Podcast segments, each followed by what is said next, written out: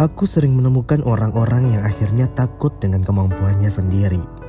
Hanya karena berada di lingkungan yang suka menakut-nakuti.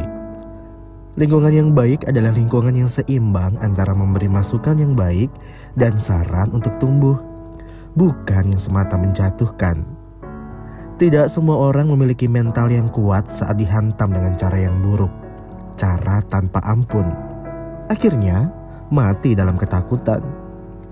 Beberapa orang memang butuh bimbingan, pencerahan, meski di saat yang sama juga sedang dihantam kritik yang begitu pedas.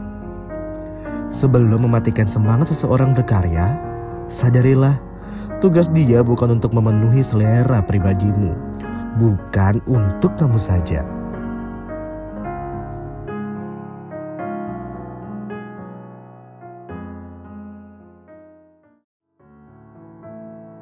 Beberapa omongan orang lain perihal kita memang tidak perlu kita masukkan ke dalam hati.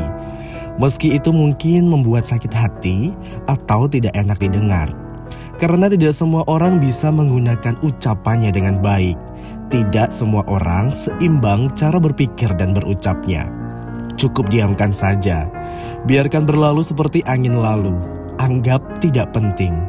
Karena sesuatu yang dianggap tidak penting memang lebih mudah dilupakan.